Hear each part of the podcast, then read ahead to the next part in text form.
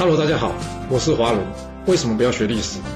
因为学历史会让你了解到顶层阶级的思考方式，成为他们的竞争者，所以他不希望你去学。还有学历史会让你看到许多前人成功及失败的案例，你的竞争对手想要好好的睡个觉，所以他也不希望你去学。最重要的是，学历史会让你了解人性，你的老板以及同事都希望你保持天真的心，所以他们更不希望你去学。就是因为这些原因，接下来我要跟你说的是故事，而不是历史。今天的主题是啊人心难测，家贼难防啊。我们刚刚在春秋第七十三集的故事中讲到，这聪明的范盖在他一对子女你一言我一语之下，最后信心动摇，准备展开除掉栾盈的计划了。这栾盈能想到会发生这种事吗？其实他应该要想得到的。因为他的父亲栾衍呢，将这范鞅啊逼得离开晋国，出走秦国啊。好不容易范鞅回国呢，范盖掌握大权，除非他后来好好跟着范鞅啊，也就是他舅舅修复关系，要不然这范鞅就是会有家园暴富的风险，不是吗？另外啊，他妈妈在外面搞小王，他要么就装作不知道，要么就是找机会或是找借口直接做掉这小王。但他的做法呢，却是将这丑事给掀开过。然后啊，日夜提防他妈妈，怕他爬墙出去找这小王。那你说这方法好吗？或许你会说啊，人家说虎毒不食子，这栾盈怎么可能想到自己亲生母亲会陷害他呢？啊，要是你还记得楚成王熊运杀他哥哥熊坚的时候啊，他们俩的妈妈桃花夫人做了什么，你就知道了。当时桃花夫人选择什么？装聋作哑。哎你说这个例子还不够，好，那看看郑庄公吧。郑庄公的母亲可是联合他的弟弟段要杀了他，这个例子总算够清楚了吧？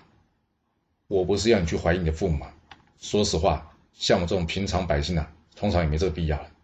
不过话虽这么说，我们还是得注意四个字，那就是酒色财气，因为通常会发生这种事情呢，就是出现在这四个字上面，要么不是喝酒误事，那就是色字头上一把刀，再不然就是为了钱为了名。又或是怎么样，为了一口气。好了，我们接着回来说吧。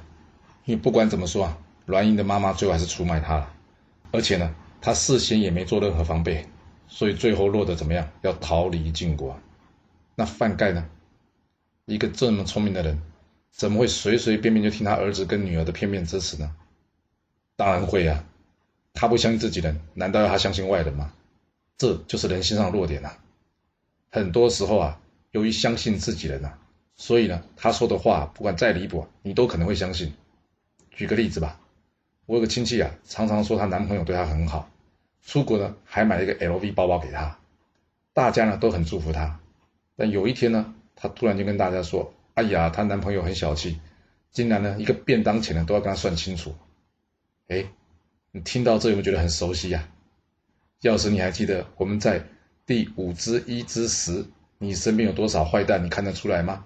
那个时候呢，我们曾经说了一个五万块钻石的故事啊。要是你还记得，相信这个时候你已经知道答案了。真是好凑巧哈，这一样的伎俩竟然好多人在用哎，会有好多人在用，就表示什么？这个伎俩有用啊，所以才会一个又一个人去用它。而我这亲戚的爸爸呢，其实是一个非常理性的人。但是呢，当他听到这些话的时候，他也非常不屑的指责这男方太小气了。我心里想的是啊，有规定男方一定要出这个便当钱吗？还有，难道他不觉得奇怪吗？男方连几万块的 LV 包都肯送，但是却要在这五十块的便当上跟他计较，这么不合逻辑的事，难道他都没发现吗？至于这结果啊，我就不在这边再说一遍了。只能说信任这东西啊，非常的重要。有时候啊，我们可以因为信任一个人呢，而免掉许多的麻烦或是问题；但有的时候也可能因为呢，我们太过相信一个人了，让他利用了我们对他的信任来做坏事。那要怎么避免这种事发生在自己身上呢？那就是啊，很多事情呢，在你心情沉淀了之后啊，还是要好好的从逻辑上去想一下，这样的说法或是做法合不合逻辑，有没有问题啊？然后把前后呢比对一下。